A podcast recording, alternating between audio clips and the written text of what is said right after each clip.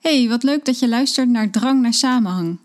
Als je dit een leuke podcast vindt, beoordeel ons dan met 5 sterren. Dat maakt de podcast beter vindbaar voor nieuwe luisteraars.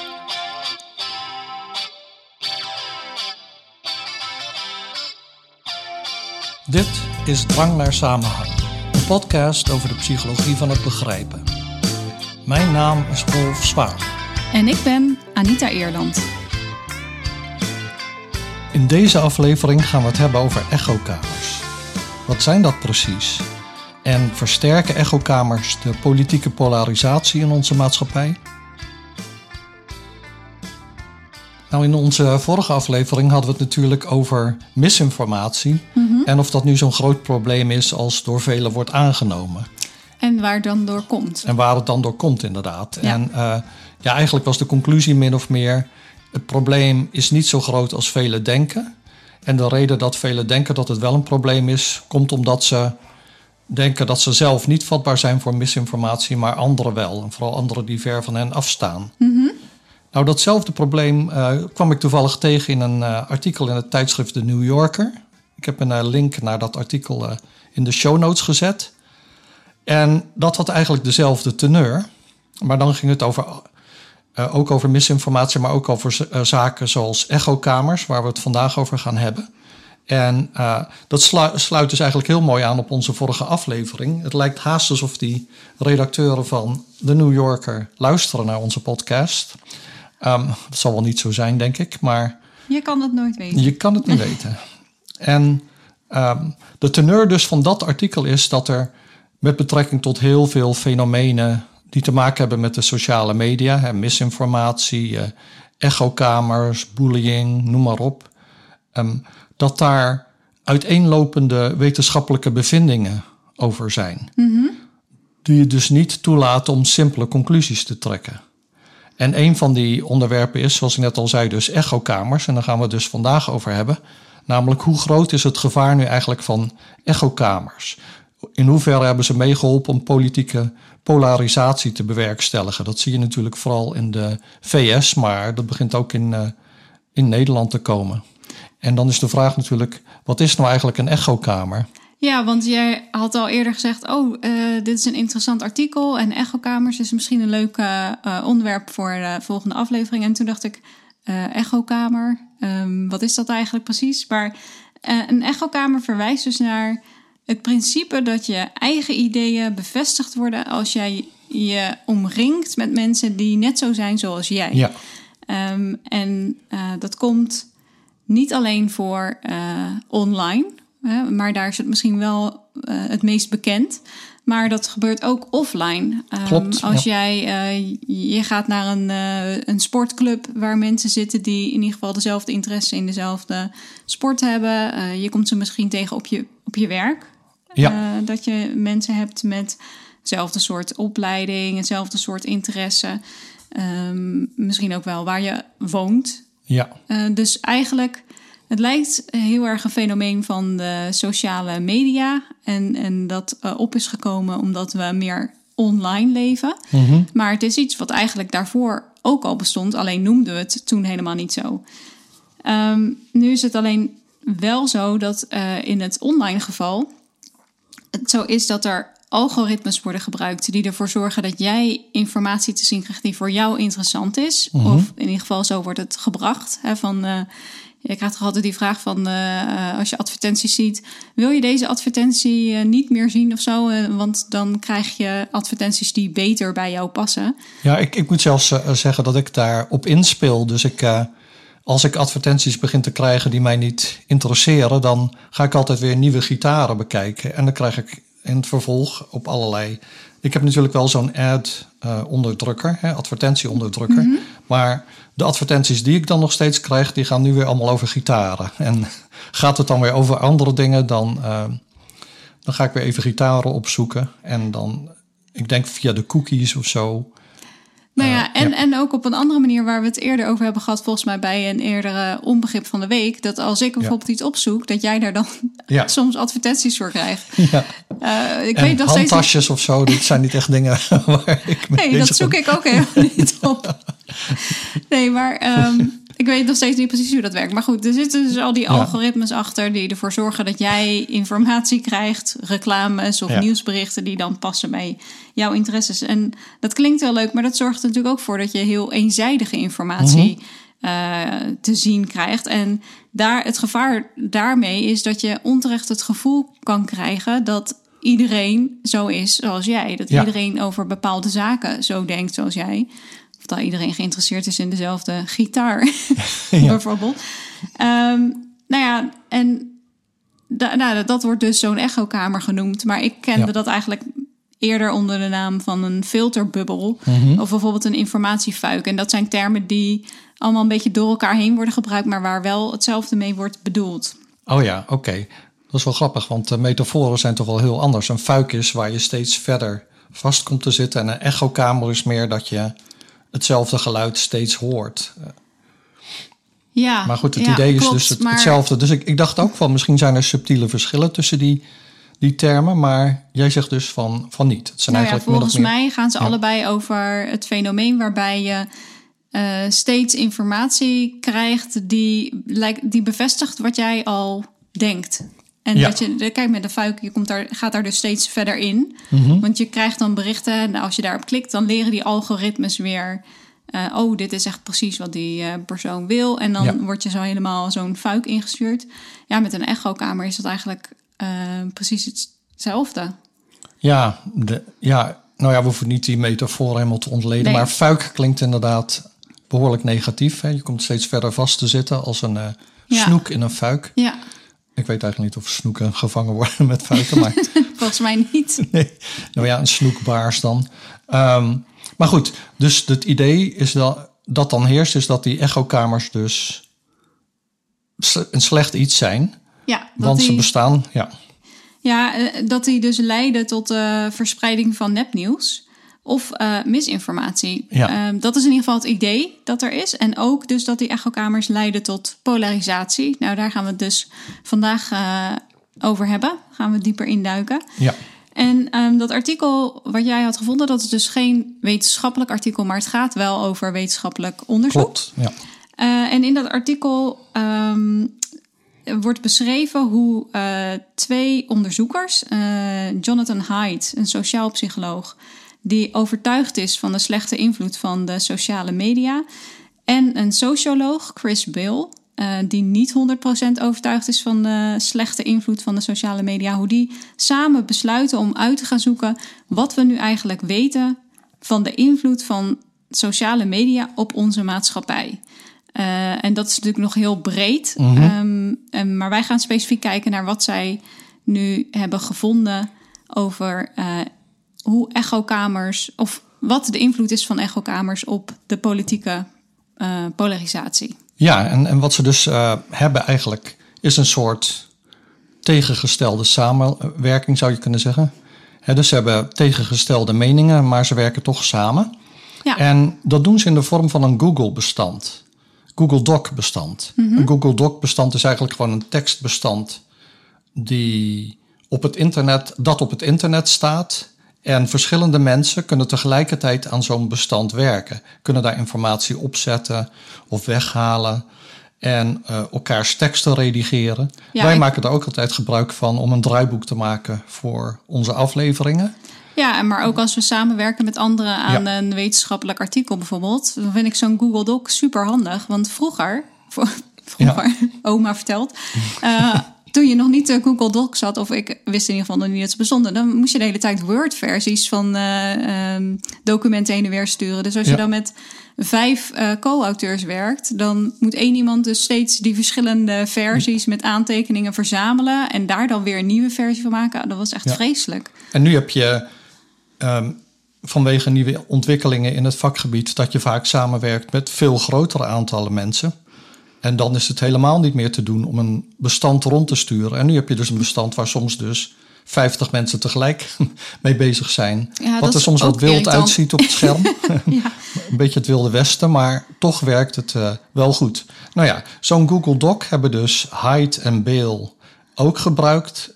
En hun doel is om onderzoek te ver- verzamelen over de sociale media. En dan met betrekking tot, ik geloof iets van zeven vragen. Mhm. En een van die vragen heeft betrekking op echokamers. Ja. En daar gaan wij het dus over hebben. En de vraag is: creëer sociale media echokamers. Ja. Ehm, eh, we zullen trouwens wel een linkje naar dat Google Doc eh, bestand ook in de show notes zetten. Ja, dat was ik even Ehm, vergeten te zeggen. Klopt. Nee, dat geeft niet. We zetten hem er gewoon in, want zij hebben dus dat bestand waarin zij al die informatie hebben verzameld, hebben zij ook openbaar gemaakt. Dus iedereen kan eh, daarin lezen. Je kan er niet in typen. Je kan Nou, er geen dingen nee. weghalen. Je Tenzij kan, je dus eh, zeg maar zelf een onderzoeker bent en je als zodanig kunt identificeren, dan kun je toegang krijgen tot het bestand als editor. En dan kun je dus ook. ja, maar, de, Maar met die link die ja. we nu erin zetten, kunnen mensen niet Nee. eh, van Nee, alles gaan toevoegen en Nee, weghalen. je eerst toestemming alleen, eh, krijgen. Ja. Ja. kun je het alleen eh, opzoeken. Oké, dus wij focussen ons op één van die vragen, de vraag over de echokamers. Ehm, en eh, wat zij hebben verzameld zijn negen studies die bewijs vonden voor het ontstaan van echokamers door sociale Ja. Eh, zij vonden twaalf studies die, eh, die concludeerden dat er geen bewijs was dat Mhm. sociale media zorgen voor eh, echokamers. En zij hebben twaalf studies verzameld die ja, gemengde resultaten vonden met betrekking tot, de, tot hun vraag. Ehm, dan zou je kunnen zeggen, ja, nou ja, dan lijkt er dus, als je die twaalf gemengde resultaten niet meetelt, want die zeggen eigenlijk niks, dan, dan nou ja, heb je twaalf studies die niks vonden en negen studies eh, die wel wat vonden. Zou je kunnen zeggen, dus eh overal is er geen bewijs voor gevonden, maar zo simpel is het natuurlijk Nee. niet. Nee. Ehm, ja, je moet dan die studies wel goed bestuderen eh, en dan onderling vergelijken om het, het bewijs van zo'n studie eh, te kunnen wegen. Nou, dat gaan we niet allemaal doen voor al die studies in deze aflevering. Nee, dat dan kan gewoon niet. Hier morgenochtend nog. Maar we kunnen wel een aantal opvallende zaken gaan bespreken. Dus dingen die ons opvielen in die studies die wel wat vonden, niet wat vonden. Ja, precies. En, en ook om een indruk te geven van hoe zo'n proces werkt, waarin dus twee tegengestelde meningen of onderzoekers met tegengestelde meningen samenkomen en dan met, eh, eh, in samenwerking met anderen proberen een overzicht van de problematiek te geven. En dat is denk ik een goede afspiegeling van hoe het gaat in de wetenschap. Ja, Niet van eh, het zit zo of het zit zo. Ehm, maar we zijn nu nog in de beginfase van het bestuderen van deze problemen. Dus het is logisch dat we wat tegengestelde eh, bevindingen hebben. Wellicht als ons perspectief een beetje verandert, dan merken we dat sommige tegenstellingen eigenlijk niet echt tegenstellingen zijn. Komt ook voor. Eh, maar in deze fase zitten we, dus we moeten niet stellig gaan doen.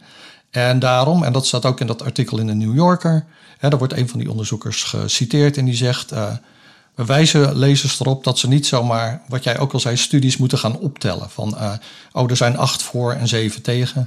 Want morgen zijn er misschien ineens eh, negen voor en acht tegen. Of eh, negen voor en tien tegen. Dat kan, eh, hè, want er komen steeds nieuwe studies bij. En dan is het ook nog zo dat niet elke studie evenveel gewicht heeft. ja, En wat je dus ook niet moet doen als gebruiker van dit bestand, is gewoon de, stu- de bevinding kiezen die bij jouw oordeel past. Hè? Want dan maak je je schuldig aan, of dan val je ten prooi aan het bevestigingsvooroordeel. Je Ja. zoekt bewijs voor iets wat je al gelooft. Nee, je moet een goed overzicht krijgen van alle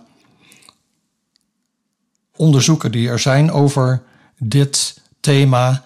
En deze mensen die dat document samenstellen, helpen jou om een eerste indruk te krijgen, omdat ze dus die bevinding- bevindingen categoriseren in voor, tegen of onbeslist. ja.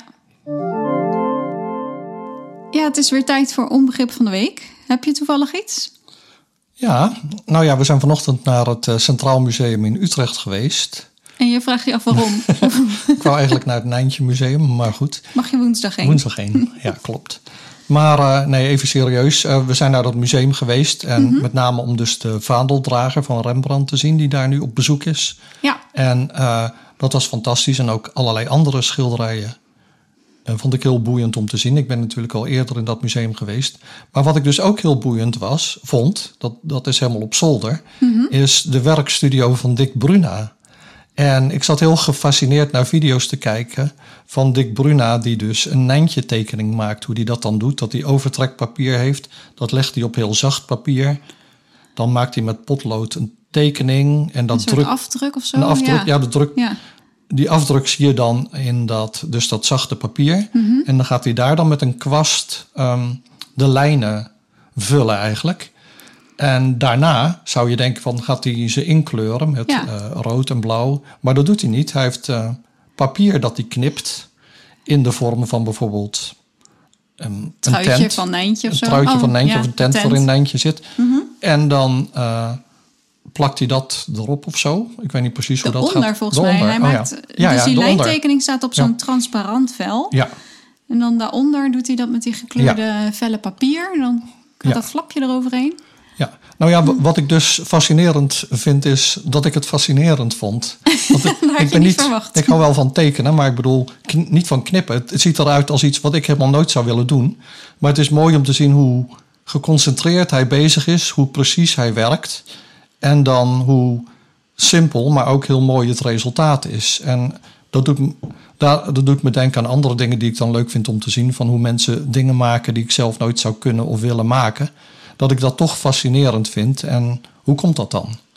Dus dat is eigenlijk mijn vraag. En ik heb daar zelf geen antwoord op. Maar Eh, ik heb daar ook niet echt een antwoord op. Maar ik denk wel dat het heel rustgevend is om naar te kijken. Hij, Ja. gaat, ook, hij gaat heel secuur, maar heel rustig aan het werk. ja, Ehm, en hij is super geconcentreerd bezig. En Ja. ik denk, ja, dan... Je wil ook weten wat hij maakt en hoe hij dat doet. Dus je gaat er best wel in op. Een soort eh, narrative transportation, Ja, maar dan anders. Ja. En ik denk dus dat dat ook een, een soort mindfulness eh, gevoel geeft of zo. Hè? Je, gaat, je wordt helemaal meegenomen in dat proces. Je gaat Mhm. daarin op. En Je, dat doet je alles om je heen een beetje vergeven. Want jij stond midden in dat museum naar dat schermpje te kijken. Er gebeurde van alles om je heen.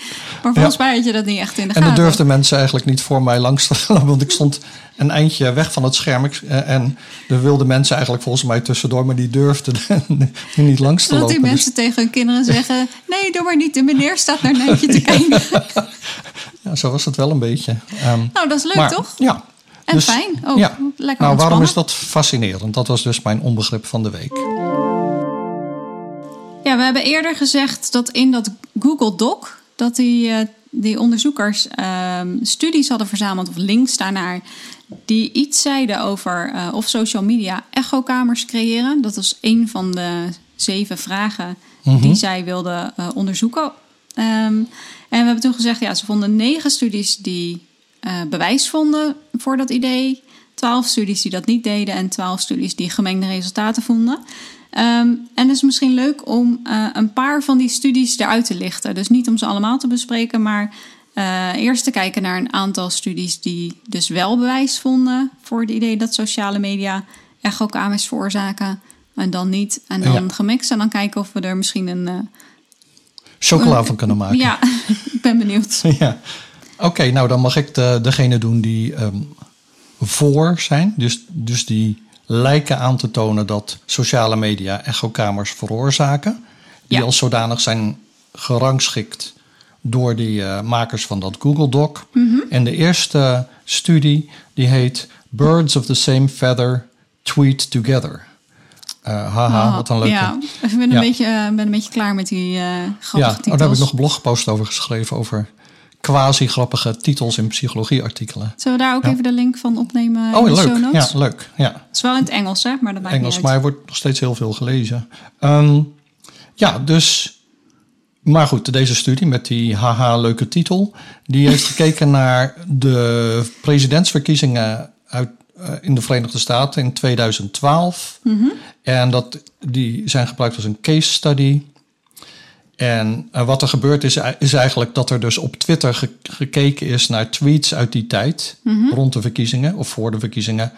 En eh, gekeken wordt naar welke mensen praten nu eigenlijk met elkaar, welke mensen communiceren met elkaar en hoe hangt dat samen met hun politieke achtergrond. En wat er dus gevonden eh, werd, was dat mensen in de Verenigde Staten, maar ook in Engeland, Spanje, Duitsland, Italië en Nederland, voornamelijk communiceerden met andere mensen die dezelfde politieke overtuiging hadden. Hé, maar wacht, dus het ging over de verkiezingen in de Verenigde Staten, maar ze hebben ook gekeken hoe mensen Ja. buiten de Verenigde Staten daarover Klopt. eh, spraken Klopt. op Twitter. Ja, want eh, nou, dat is toch ook zo toen. eh, ik bedoel, in Nederland wordt er ook volop getweet over Trump en Poetin en noem maar op. Dus ehm, Oh ja, zeker. Ja. Maar ik heb zelf alleen maar studies gevonden Oh, zo, ja. over dingen in de Verenigde Staten met Amerikanen. Dus ik vind het juist heel leuk dat Ja. deze studie een wat bredere, eh, breder perspectief neemt. ja, dat vind ik ook goed. Dat, daar heb je helemaal gelijk in hoor. En eh, nou ja, daar werd dus gevonden op basis van dus die netwerkanalyse hè, van zitten die mensen in politieke netwerken van mensen die dezelfde overtuiging hebben en communiceren ze dan met elkaar. Nou, dat bleek zo te zijn in dus al die verschillende landen. Dus dan zou je kunnen zeggen, oh ja, echokamers bestaan op het internet. Ja. En dan is de tweede studie, die vond ik heel creatief.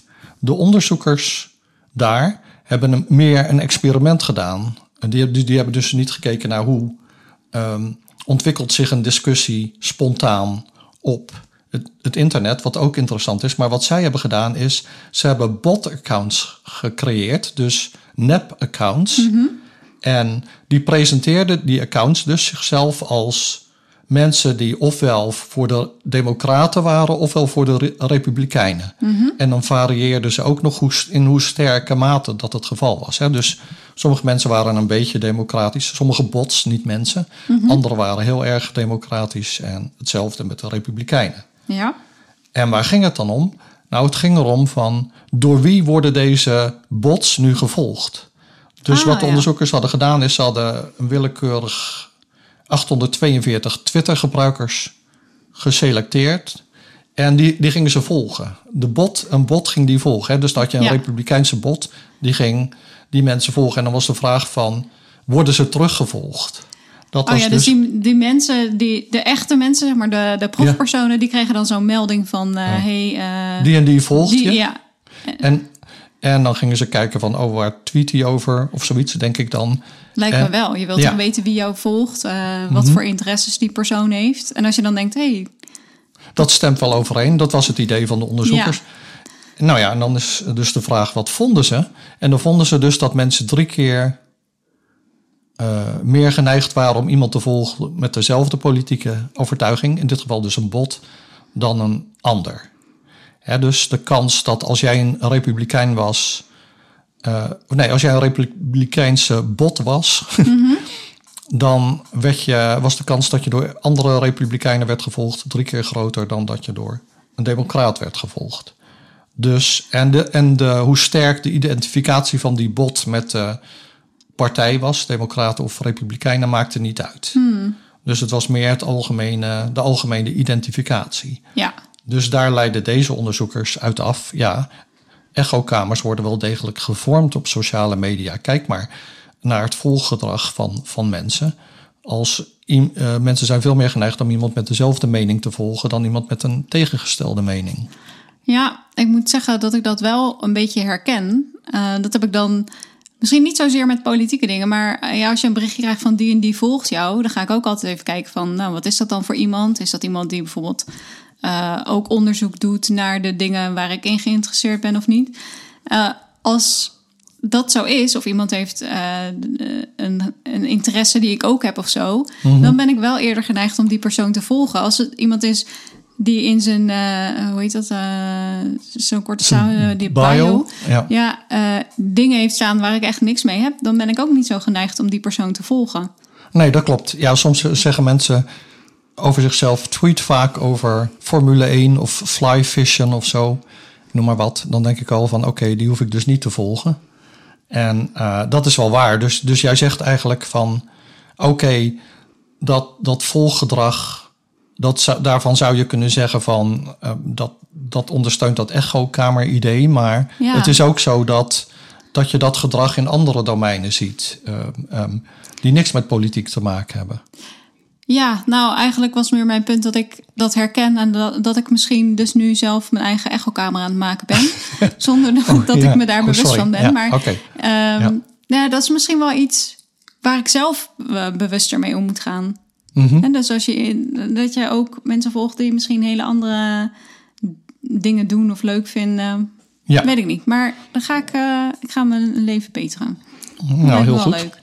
Ehm, Oké, dus dat waren twee voorbeelden van studies die eh, bewijs vonden voor ehm, eh, het feit dat sociale media, voor het idee dat sociale media echokamers veroorzaken. Eh, nou, heb ik eh, een aantal studies bekeken die eh, zeggen dat er geen bewijs voor is. Dus sociale media veroorzaken geen eh, echokamers. En ik zal er daar ook twee uitlichten. Ehm, het eerste onderzoek ehm, ging over het lezen van politieke berichten op Facebook. Ja, Ehm, en dat ging over een langere periode. Dus de onderzoekers hebben een langere tijd data verzameld. Over een langere tijd gekeken naar wat voor be- berichten, politieke berichten lezen mensen nu op Facebook. Eh, en de periode die ze gekozen hebben was de verkiezingscampagne in de VS weer. Eh, maar nu in 2016. En er zijn data verzameld op drie verschillende momenten in die eh, verkiezingscampagne. En dan kun je dus kijken wat er gebeurt over de tijd. Ehm, die onderzoekers vonden dat mensen die hun nieuws, politieke nieuws via Facebook lazen, Ja. of de- dat ze politieke berichten van, van Facebook eh, haalden, dat die meer geneigd waren om berichten van beide kampen eh, te zien. En over de tijd heen zag je dat mensen steeds meer berichten tegenkwamen die niet in overeenstemming waren met hun eigen politieke voorkeur. Oh, ja. Terwijl je zou denken, als we het hebben over een informatiefuik, waarin je steeds verder eh, ge- gezogen wordt, zeg maar, dan zou je verwachten dat je eh, steeds minder Ja, eh, berichten ziet die niet in overeenstemming zijn met jouw eigen Ja, politieke ideeën. Hm. Nou, deze studie vond dat dus niet. En, en de onderzoekers concludeerden dus ook dat je ehm, zou kunnen zeggen dat ehm, polarisatie dus juist wordt tegengegaan door sociale media. Dus, dus dit was een soort studie waarin gekeken werd naar het informatiedieet van, van mensen die op Facebook zaten, zeg maar. Dus op de een of andere manier konden ze, hadden ze dan toegang tot wat voor soort berichten krijgen die mensen te zien. Ja, ik, ik weet niet precies of ze nou hebben gekeken naar. Want jij weet niet precies wat iemand op, de tij, op zijn eh, tijdlijn krijgt, natuurlijk. Maar Nee, je ziet je wel wat hebt. iemand. Ja, Nou, Ja. Zou, ja, het zou kunnen hoor, dat ze Ja. informatie gekocht hebben van Mm. Facebook. Ik weet het niet. Of dat mensen toestemming geven om dat eh, te doen. Ik, ik heb geen idee, maar het kan ook zijn dat ze mensen gewoon gevraagd hebben van... hoe vaak zie jij berichten die niet overeenstemmen met hoe jij denkt over een of andere politieke situatie. En dat mensen dat dan moeten aangeven en dat dan gezien wordt dat eh, door de tijd heen is die score steeds hoger geworden. Wat dus dan inderdaad, zoals jij zei, tegen het idee van echokamers zou pleiten. Ja, want je zorgt er niet voor dat mensen steeds maar dezelfde informatie krijgen die bevestigt wat zij zelf al denken. Nee. Maar je blijft ze blootstellen en steeds meer aan Ja. informatie die juist tegengesteld is daaraan. Ja, Vond ik zelf best wel een fascinerende conclusie. Ik vond het ook nogal eh, ehm, stellig dat ze zeiden: dit gaat dus juist polarisatie Ja. tegen. Ik dacht, ja, oké, maar we hebben heel veel studies op dit onder, onderwerp en dit is er maar eentje van. Maar goed, ze moeten hun studie natuurlijk ook eh, verkopen. Ehm, een andere studie was een vragenlijst onder bijna 1500 Amerikanen met een Twitter-account. Eh, dat was belangrijk omdat de onderzoekers niet alleen de vragenlijst wilden hebben van die de ingevulde vragenlijst van die proefpersonen, maar ze wilden ook eh, informatie verzamelen via het Twitter-account van, eh, van deze mensen. ja, Ze hebben gekeken hoe vaak liberalen en conservatieven, dus dat konden ze waarschijnlijk bepalen op, aan de hand van die vragenlijst, hoe vaak die berichten tegenkomen op hun Twitter, eh, zeg je dat, feed of zo, de tijdlijn. ja, Ehm, die niet stroken met hun politieke voorkeur. Dus hoe vaak komt een conservatief eh, iemand bericht, liberale be- berichten tegen? En ze hebben, de onderzoekers hebben ook gekeken welke eh, Twitter-accounts die mensen volgen. Dus eigenlijk wat jij ook al zei van, is het nu zo dat een liberaal alleen maar mensen volgt die eh, dezelfde politieke voorkeur hebben of juist niet? Ehm, en dan blijkt dus dat er ehm, best wel veel overlap zit tussen de accounts die mensen volgen aan, aan beide kanten. Dus als je kijkt naar welke accounts volgen mensen die uh, conservatief zijn, welke Mhm. accounts volgen mensen die liberaal zijn, vonden deze onderzoekers een overlap tussen die accounts van 51% Oh, dat is best wel hoog. Ja, dat vond ik Ja. dus ook. Ja. Maar dat zijn dan misschien wel gewoon ehm, algemene nieuwssites of zo. zou kunnen, die, ja. die je dan volgt. Ik weet het niet. Maar er was dus best wel veel. Wat wel, ehm, nou ja, dit was interessant. Ik wil- niet zeggen dat dit niet interessant was. Maar wat ook interessant was, was dat die onderzoekers een eh, asymmetrie vonden. In de neiging om berichten van andere politieke aanhangers te bekijken. Dus wat zij vonden was dat conservatieven Ja. ehm, veel meer geneigd waren om berichten van liberalen te bekijken dan andersom. ja. Dus zij zeiden, ja, dat is eh, geen bewijs voor echokamers. Nee. Want dan, je zoekt dan bewust informatie op van eh, eigenlijk ja, de, de tegenpartij. Maar, Ehm. maar dus de, de democraten, of nee, de conservatieven zitten dan minder dus in een echokamer volgens dit onderzoek dan de liberalen. Ja, Ja, dat zullen veel liberalen verrassend vinden. Maar, nou, de, die liberalen moeten gewoon nog even blijven luisteren. ja. Want we gaan nu door naar de, ehm, de studies die een beetje onduidelijk. eh, ja, dus we hebben Nou, nu ja. gehad voor en eh, dat deed ik en jij deed nu tegen. En nu gaan we het hebben over studies die onduidelijke resultaten laten zien met betrekking tot die vraag of, ze, of echokamers nu, of nee, of de sociale media nu echokamers veroorzaken. ja, onduidelijke resultaten of tegenstrijdige Ja. resultaten. Ehm, en de eerste studie die ik daarbij wil noemen, die sluit dus mooi, eigenlijk wel mooi aan op die bevinding die ik net had genoemd. Ehm, daarbij werd gekeken naar het uitwisselen op informatie op Twitter Ja. rondom politieke en niet-politieke gebeurtenissen. Dus we hebben het nu steeds gehad over politieke gebeurtenissen. En als je in dat Google Doc kijkt naar al die studies, zijn de meeste ook gedaan eh, rondom verkiezingen in Amerika. Ehm, maar deze onderzoekers hebben dus dat soort eh, gebeurtenissen bekeken, maar ook niet-politieke gebeurtenissen. Bijvoorbeeld eh, de bomaanslag tijdens de marathon in Boston. Ja, En ze hebben dus gekeken hoe mensen informatie uitwisselen op Twitter over dit soort gebeurtenissen. En zij vonden, de onderzoekers, dat ehm, voor beide soorten gebeurtenissen dat liberalen meer geneigd waren om berichten te bekijken die niet overeenkwamen met Oh. hun eigen ideeën. Meer dan conservatieven. dus dat is precies het tegenovergestelde van die studie die we net bespraken. Ja. ja. En ehm, die onderzoekers zeggen ook dat eh, ze deze asymmetrie heel goed kunnen verklaren vanuit psychologische theorieën. Dus dan vraag ik me wel af, kan dan die andere bevinding niet, hè, ligt deze bevinding meer voor de hand vanuit psychologische theorieën dan eh, het omgekeerde? Ik denk het wel. Ik ben geen persoonlijkheidspsycholoog, maar ik kan me voorstellen dat liberalen hoger scoren op het kenmerk openness to experience. En, op, en, en, en ook een, eh, even kijken, een, dat is een maat van cognitieve motivatie, een open-mindedness Ja, versus closed-mindedness, dat liberalen daar hoger op zullen scoren.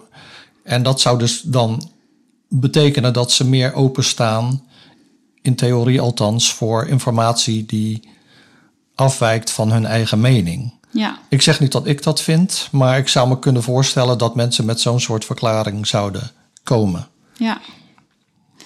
Ja, dat zou kunnen. Nou, volgens mij, ja, dat zou kunnen, maar volgens mij weten we überhaupt nog niet Nee. ehm, hoe dat nu eh, precies zit. Want eh, in dat rijtje van studies die onduidelijke resultaten voor eh hebben gevonden, was ook nog een studie die dus weer vond dat mensen met een meer extreme mening, dus daar Ja. had je het ook al Ja. over, Ja, en meer conservatieve mensen. Dat die minder geneigd zijn om andersoortige berichten op te zoeken. Dus dat komt dan overeen met de studie waar we het net over hadden.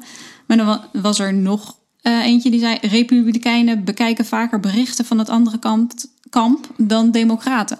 ja, Dus we hebben nu vier studies... die allebei eh, het, het zoekgedrag... Alle vier. eh, alle vier, ja. Ja. Het zoekgedrag van republikeinen en democraten hebben onderzocht. En Mhm. twee vinden... Ze vinden allemaal dat democraten en republikeinen niet op eenzelfde manier ehm, berichten van het andere kant opzoeken, maar dat de ene partij dat meer doet dan de ander. Ja, Maar welke partij dat dan meer doet dan de ander, daar eh, zijn verschillen tussen die vier studies. ja dat is best wel, eh, nou ja, ik zou zeggen, een openbaring misschien voor veel mensen. Van eh, zo eenduidig is de wetenschap dus blijkbaar helemaal niet. Vooral niet misschien de sociale wetenschappen. Ehm, en nou ja, als er dus al een echokamer is, dan is er veel onduidelijkheid over wie er dan in zit. Ja, en precies. ik denk als je zo al die studies ook hoort, hè, die wij nu hebben eh, besproken, en er staan er nog veel meer in dat Google-document, dan zie je ook dat er verschillende dingen zijn die, die mensen hebben onderzocht. Dus het is ook niet zo dat iedereen precies hetzelfde doet, maar verschillende dingen vindt. Sommige mensen hebben gekeken naar Twitter, anderen naar Facebook. Ja. Sommige mensen hebben tweets geanalyseerd, andere onderzoekers hebben gekeken naar volggedrag. Eh, sommige mensen hebben gekeken naar republikeinen versus eh, democraten. Anderen hebben breder gekeken. Ja, En dus maar Dan niet is het- heel veel. En dat vind ik wel. dat is ook waar. Ja, Ja, het is heel duidelijk ehm, Amerika-centrisch, zeg maar. Ja. Hoewel je dus nu dit soort ontwikkelingen, die pola- polarisatie zien we nu in Nederland natuurlijk ook als je kijkt naar hoe nu wetenschappers bejegend worden door sommigen op Twitter. Hè? Ehm, maar goed, dan, nu is wel de vraag van wat moeten we hier allemaal mee? Want eh, we kunnen wel allemaal onze handen in de lucht gooien en zeggen van, nou ja, we weten het niet. Ja, en dat staat ook in dat artikel in de New Yorker. Er staat eh, eh, dat één onderzoeker zegt: Het is moeilijk om een bijdrage aan de discussie te leveren in de trant van: eh, We weten het niet, het bewijs is zwak. Want die punten gaan dan o- ondergesneeuwd worden in de discussie.